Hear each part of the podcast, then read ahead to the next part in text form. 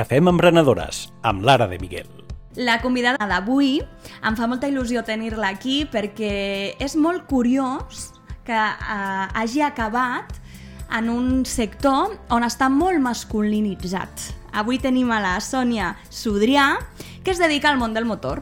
Bon dia, Sònia. Bon dia, Lara. Doncs com comentàvem a la teva presentació, et dediques al món del motor. Sí. Explica'ns com, com passa això. Això passa perquè tinc una professió que és interiorista, però a mi sempre havia tingut el coquet de la, del món del motor, no? Des de petita sempre jugava amb cotxets, anava a casa al meu cosí, que vivia en porta per porta, jo jugava amb els seus cotxets, ell venia a casa a jugar amb les meves nines, a mi em regalaven nines i amb ell cotxes, jo volia cotxes i, bueno, anava així la cosa.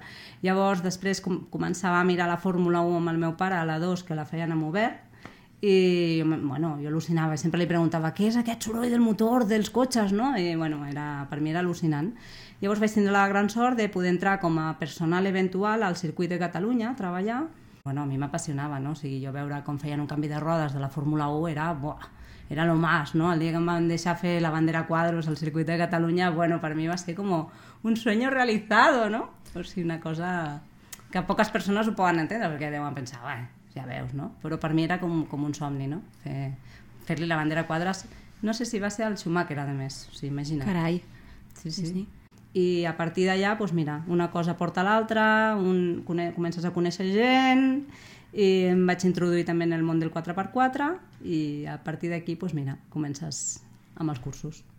I bé, i arriba aquest moment que dius de punt d'inflexió en el que et decideixes i et llences a la piscina. Me'n vaig a fer el que realment m'agrada sí. en el món del motor. Explica'ns com és això i, i, i com comença tot. pues començo amb, amb un curs de... Bueno, prèviament jo muntava sortides en 4x4. Vale? Jo em vaig introduir al món del 4x4 com a hobby i anava muntant sortides. Havia muntat alguna per aquí per Andorra, o sigui, fa molts anys eh, d'això i tothom em deia, però per què no cobres, no? Perquè, clar, eren 20 cotxes, amb 20 famílies, que buscava jo la ruta, l'allotjament, els espais on, per on teníem que passar, donava alternatives perquè a vegades les famílies pues, bueno, allò, la dona i els nens a vegades no els hi ve de gust fer la ruta en 4x4 així una mica extrema i donava alternatives, no? Pues, ja podeu anar de botigues o podeu quedar-vos en un spa o podeu fer coses, no?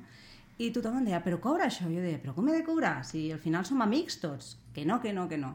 I bueno, d'aquí em va sortir un curs de conducció de 4x4 a Albacete, amb una escola de conducció. I vaig anar i m'ho vaig passar molt bé. Vaig dir, ostres, si a sobre puc guanyar diners, no?, fent això. Que guai! I d'aquí, bueno, eh, paral·lelament amb el del circuit de Catalunya, bueno, mira, vaig anar enganxant-me amb una feina, amb una altra, aquí, allà, fent un curs, eh, formant-me, llegint llibres, perquè hi ha una part important que la gent no s'ho pensa, però que està als llibres també, no? que és com, com funciona un cotxe. No? Perquè, clar, tu pots saber moltes coses de conducció, però si tampoc no saps ni com va un cotxe, pues, eh, bueno, pues em vaig formar també llegint llibres, després bueno, vaig tindre la sort de poder entrar a, a algun event, que llavors, clar, vaig començar a conèixer també el que era el món dels events de motor, no? I, i t'enganxa, t'enganxa molt, no? Llavors, dels, del món del, de vent del motor vaig aconseguir entrar a el que era provadora de vehicles, a Idiada, no sé si us sona, Idiada és una enginyeria que està per tot el món a nivell internacional, i llavors al Vendrell, a Santa Oliva, tenen una seu amb unes pistes increïbles per, per provar cotxes que encara no han sortit al mercat, i es proven tot tipus de vehicles, i bueno, ja em van fer cursos especialitzats, vaig aprendre moltíssimes coses i bueno, d'una cosa a l'altra, saps? Vaig anar, vaig anar a parar també amb una altra enginyeria també, perquè això són feines que et demanen per fer un assaig durant tres mesos, per exemple, no? Llavors ja saps que aquella feina és puntual, però estàs fent aquell assaig durant aquells mesos. Quan acaba l'assaig, bueno, estàs lliure i pots anar a buscar una altra feina, no? Llavors, bueno, doncs estic pues, això, no? Des de que, és, des de que el cotxe està, eh, que acaba de, de, de de plantejar-se com ha de ser i ha de sortir al mercat i va tot camuflat, es fan les proves d'aquells vehicles, després la presentació en premsa, després el tracte amb el client, que tu li fas el test on te li expliques tot el del cotxe, per tant, clar, com jo estic des de l'inici, sé molt bé tot el que te, li passa al cotxe el que no, no? I eh, després faig cursos de conducció. Però tot això ha sigut anant fent una cosa darrere l'altra, no? Llavors vas veient que bueno, et, vas, et vas aconseguint introduir molt, ficant molta pedra, perquè sóc dona, i llavors jo sempre treballo amb homes. som quatre noies comptades les que estem fent això. Llavors, i no totes ho fan tot, no? O sigui, una millor només fa test amb clients i presentacions, l'altra millor pues, com ha sido piloto pues, també fa alguna cosa eh, amb algun curs, però realment són molt poques noies, no hi ha noies. I no hi ha una escola que tu puguis anar a, a, a formar-te, saps què et vull dir? Llavors, si hi hagués una escola que tu diguessis vaig aquí, em formo, doncs podrien haver-hi noies i nois, però no, no, aquí és el boca a boca, que et vagin coneixent, picant pedra, treballant moltes hores, moltes, i anar fent. I, I tu podríem dir que ets de les poques que sí que fas tot el procés. Soc l'única. Ets la, o sigui, La de, de les quatre comptades que, que estàs La dient única. ara, ets l'única dona que, Que fa tot. estàs en tot el procés. Sí, sí, sí. sí. Bueno, però això potser... això deu ser també bo, no? Perquè et deuen mimar molt.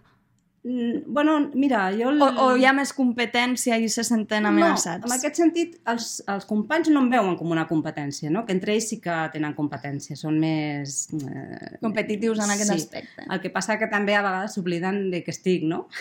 Costa més de que se'n recordin de mi. Per això tinc que eh, treballar i molt bé, perquè no pens... No, o sigui, a veure, quan jo faig un event, per exemple, si un company meu s'equivoca i fa alguna malament, y preguntas al cliente, el cliente diu, bueno, no sé, un chico que iba con gafas de sol, ¿qué tal? Rubio, y, bueno, rubio, a lo millor n'hi ha cinc de rubios i con gafas de sol i altos, no? Clar, però tu ets una i és I molt jo fàcil. sóc l'única noia. Llavors, és clar, és, si la noia ho fa malament, llavors posen el, el, el, el dit, no? Ja, la noia! I, no, tinc que treballar bé. Llavors no em puc permetre cap error, que això sí que és complicat, no? Perquè, clar, vulguis o no, a vegades mm, et pot passar alguna cosa, però no em puc, no m'ho puc permetre, cap error, no? Llavors, bueno... Però és molta soc- pressió. Sí, una mica, però bueno, porto bé, porto bé. Com m'agrada molt, ho porto fantàstic. Sí, sí. I mm, explica'ns una miqueta també eh, com arribes a dir, pues, em llanço i sóc monitora també de conducció. És a dir, no només fas els testos dels cotxes aquests nous doncs, que encara no han Mhm. sortit al mercat, que a més a més també ets monitora Sí, sí. de vehicles. Sí. Pues, mm, bueno, de fet vaig començar com a monitora, després vaig anar a parar a lo dels vehicles, perquè al ser monitora això em va portar que diguessin ei, aquesta noia ens interessa que provi cotxes, no? Eh, com entro com a monitora? Mira, algú em va voler donar l'oportunitat. Va veure que me'n sortia, que ho feia bé, que sabia explicar, que explicava coses que altres persones potser no expliquen i que, bueno, podia donar un altre punt diferent, no? I a partir d'aquí, pues, mira, m'han anat coneixent. I aquí hauràs vist molt, molt, moltes anècdotes, no? Perquè entenc que, un, que, que una dona eh, ensenyi conducció a un home també deu ser... Saps què és més complicat? Amb les dones, que no amb els homes. Sí? Eh, inicialment, quan una dona va fer un curs de conducció, espera que hi hagi un noi al davant. Mm. Llavors, quan troben una noia, em diuen ah, me vas a ensenyar tu? Ja predis estan predisposades a, a fer-ho amb el noi i, i, i pressuposen que jo no en sabré igual, no? Quan baixen, després em feliciten, eh, bueno, és allò de, ja no quiero ir con el chico, no, solo quiero ir contigo. Dic, bueno, vale, perquè, bueno, parlo així en castellà perquè també faig per tot arreu, no? Llavors dius, mm, bueno, ha sigut un tema conceptual teu, no? Un tabú que tenies Mm. tu mental de pensar que la dona no pot conduir bé, que la Mhm. dona no en sap, no? Que Bueno, és que de fet... Mm, no és així. Exacte, no, no és que sigui un tabú, normalment sempre eh, s'ha sentit a parlar doncs, que les dones ho fem malament també. No és Aquesta és veritat. la idea també predisposada, no? No és que una veritat. dona al volant no ho fa bé. No és veritat. Mira, jo precisament veig que la dona té molt de potencial. La dona, quan fas un curs, eh, sempre agafa com una figura de... Si ve, ve un matrimoni, Uh -huh. no, no, que faci ell més estona, no, no, que ho faci ell, que comenci ell, no, no, que jo no... I li has d'acabar dient, no, però si tu pots fer-ho igual, no? Llavors, quan se n'adonen de que ho fan igual o millor, eh, llavors diuen, ostres, carai, com, jo que no volia, no? Perquè hi ha situacions que a vegades són interessants que, que, que una dona, doncs, eh, un matrimoni, eh? poso l'exemple, matrimoni, que van amb el cotxe i hi ha una situació complicada de neu, no? Llavors, la dona és com més peruga i no, que condueixi ell perquè ja dona per fet que ell sabrà sortir d'aquella situació, que no té per què ser així. I llavors, bueno, es queda al costat, no? Entra quan jo els dic, i si vas sola, què passarà? Mm -hmm. Si tu no condueixes i no saps què farà el cotxe, llavors et trobaràs que no sabràs reaccionar, no? Per tant, aquí en circuit o, amb, o on t'estiguem provant, és un bon moment perquè tu puguis provar i veure com reacciona el cotxe, no?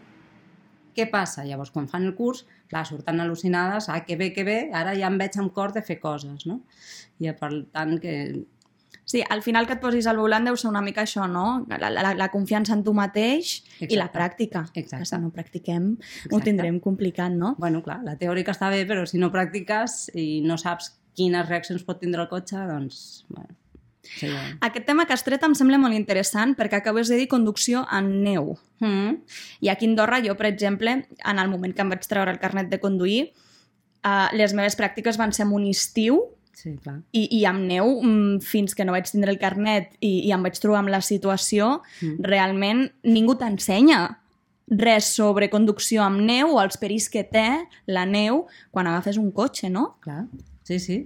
Llavors, bueno, jo estic als cursos que es fan a Soldeu a dalt a pistes, que a Gran Valira, Mm. que els fem amb l'Art Rover. Llavors allà estic, sóc dels cinc monitors que estem, doncs estic allà amb els cursos i els els ensenyem moltes coses pràctiques perquè la... o sigui, no es fa amb circuit. Com a... El circuit del pas està molt bé perquè tenen l'asfalt a sota i passa una màquina i llavors els hi deixen en la pista doncs, com un mirall, no? Superbé. Nosaltres estem fent a dalt a pistes, que allò té desnivell, Mm. i nosaltres tenim un metro i mig per sota de neu. Val? Llavors, encara que ens passi la retrac i ens ho deixi com un mirall, clar, a la que ha tocat una mica el sol, allò s'escalfa, es xafa i, clar, hi ha situacions diferents, no? Són situacions molt similars a la que tu et podries trobar doncs, baixant del, de la carretera del, del pas de la casa, vale?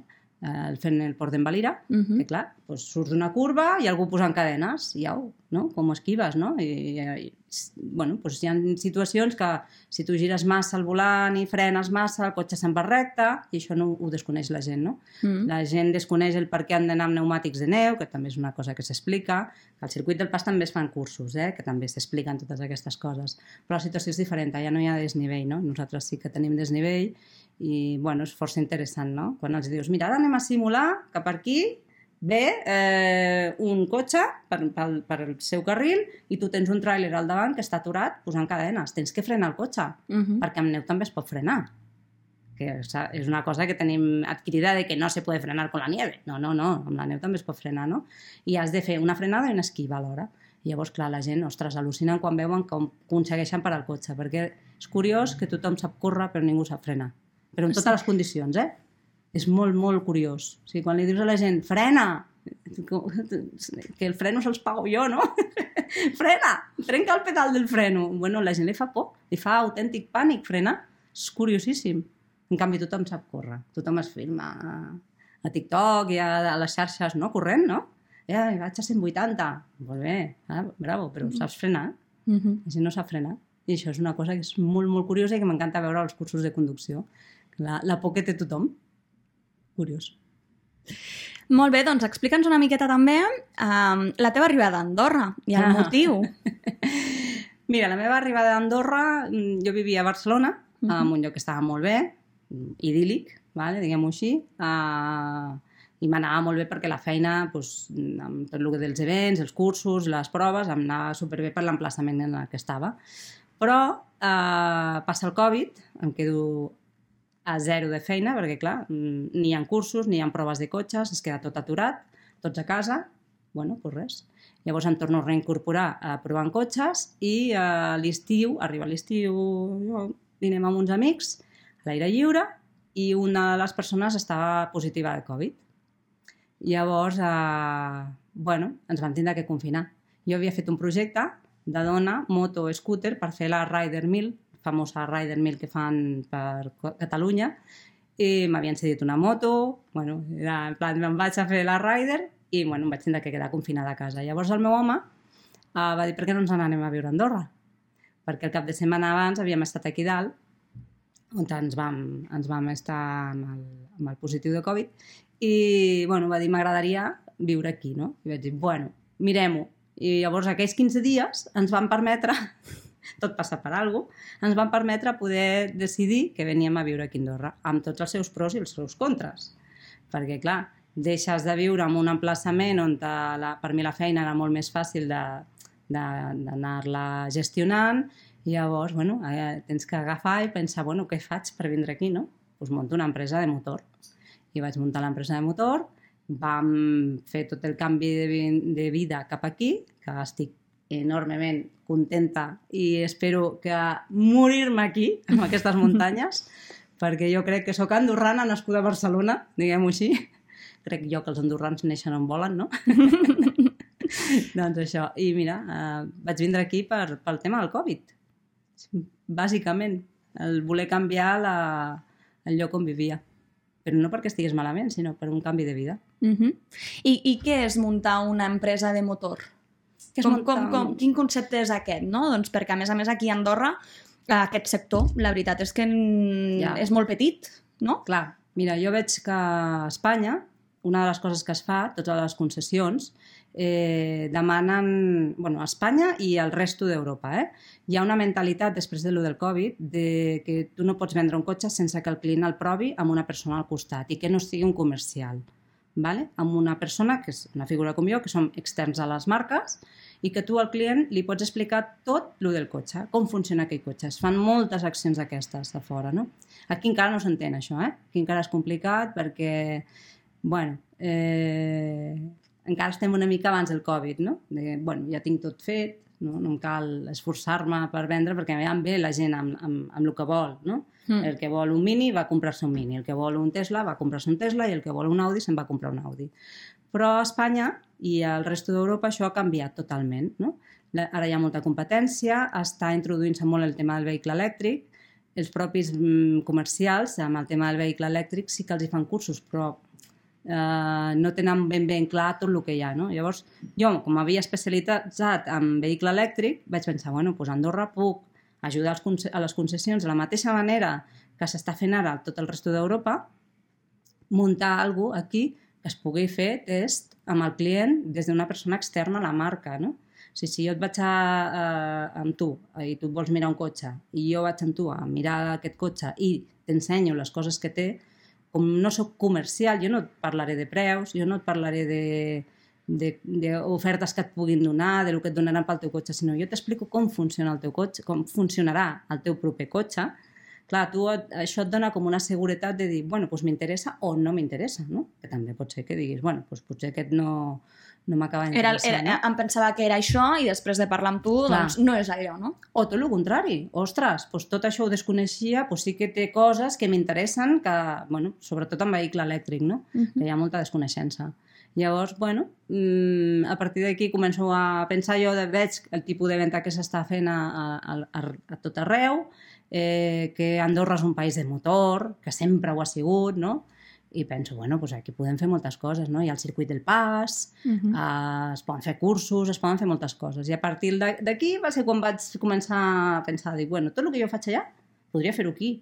No? Jo estic amb, eh, bueno, he anat amb reunions per proposar també les proves que es fan en vehicles en, en carretera oberta, doncs fer-les aquí en vehicle d'aquest camuflat, que alguns se'n veu, no? però aquí amb altitud, que això mm, se'n van a Granada a fer les proves de, de vehicles uh, d'aquests ca- camuflats que no han sortit encara al mercat. Llavors dius, bueno, doncs sí, perquè han d'anar a Granada? Si surten de Barcelona, han de baixar el cotxe a Granada i tornar-lo a pujar, i dos conductors i tota una moguda que hi ha, doncs lo millor econòmicament és més viable fer-ho aquí, no?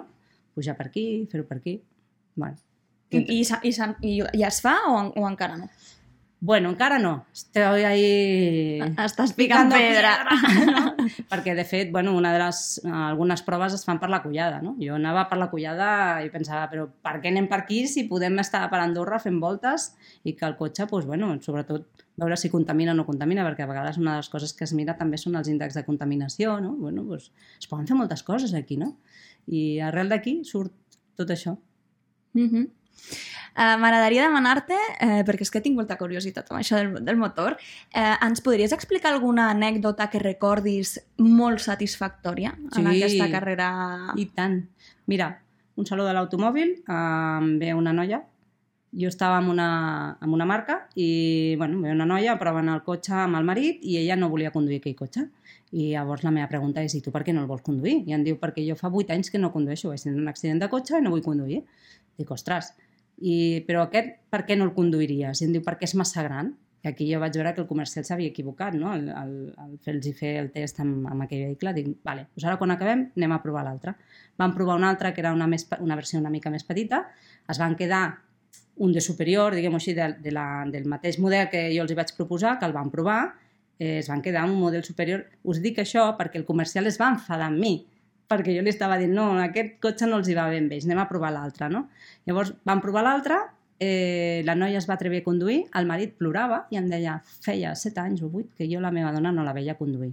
I avui ha sigut el primer dia. Uh Mhm. -huh. L'altre dia em va contactar i em va dir que està conduint aquell cotxe amb la seva panxa de 8 mesos. Ai... Llavors a mi això m'emociona i em fa bueno, seguir endavant, no? de dir, bueno, encara que sigui complicat de vegades, pues és supermaco que algú que ha, ha pogut recuperar la seva llibertat que tenia quan conduïa. No? Mm. Sí, sí. Bueno, doncs, i per acabar, Mm? um, ens podries explicar com has aconseguit poder compaginar aquesta carrera professional perquè a més entenc que molts d'aquests testos i, i, i, i aquest món en el que tu et, et dediques eh, entenc que són molts caps de setmana els que et queden lliures eh, per la teva família i, i clar, crec que haurà sigut complicat poder compaginar la teva vida personal amb els teus fills de la teva carrera professional. Mira, ho és, ho és, perquè estàs moltes... O sigui, potser estàs 15 dies seguits sense, sense aturar-te. Jo, mm, la feina va així, ja ho sé, i per mi no existeixen ja els caps de setmana ni els dies de festa, perquè a vegades em toca treballar a qualsevol punt del món. Eh, tinc la sort de que les meves filles ara són grans. Si fossin petites, jo no podria fer-ho, així de clar. No podria marxar doncs, 15 dies fora, ni podria estar treballant eh, 14 i 18 hores, que les he fetes, perquè, clar, si tens uns nens petits tens que cuidar-los. Tinc la sort de que tinc una filla que té 23 anys i l'altra té 25 i està independitzada, llavors, bueno, són autosuficients, no? Però si tingués fills petits, ja et dic que seria impossible, impossible. De fet, alguna noia que ha intentat no ha pogut pels no ha nens pogut. Perquè, perquè els té petits. Llavors, clar, de pagar cangur o la família i és complicat. Però és complicat pels meus propis companys que tenen fills. O sigui, no és complicat només per mi que sóc dona, sinó per ells.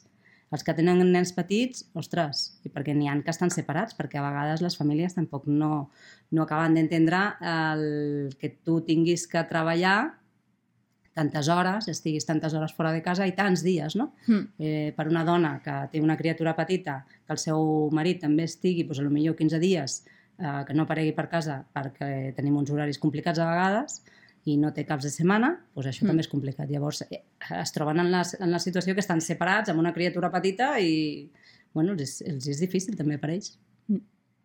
Uh, Sònia, moltes gràcies per haver vingut. Gràcies per ser amb nosaltres, per explicar-nos uh, bueno, la teva empresa, el teu negoci, el tipus de feina que fas, que no és habitual ni en homes, però encara menys en, en dones, no? i per donar-nos aquesta, aquest punt de vista que també és superenriquidor d'altres sectors que no són els tradicionals de l'emprenedoria i, i que ens ha agradat molt tenir-te aquí. A vosaltres, que us heu molt amables i gràcies per l'entrevista, que m'ha encantat estar amb vosaltres. Segur que ens anem veient. Gràcies. Gràcies. Aquest projecte compta amb el suport del Govern d'Andorra.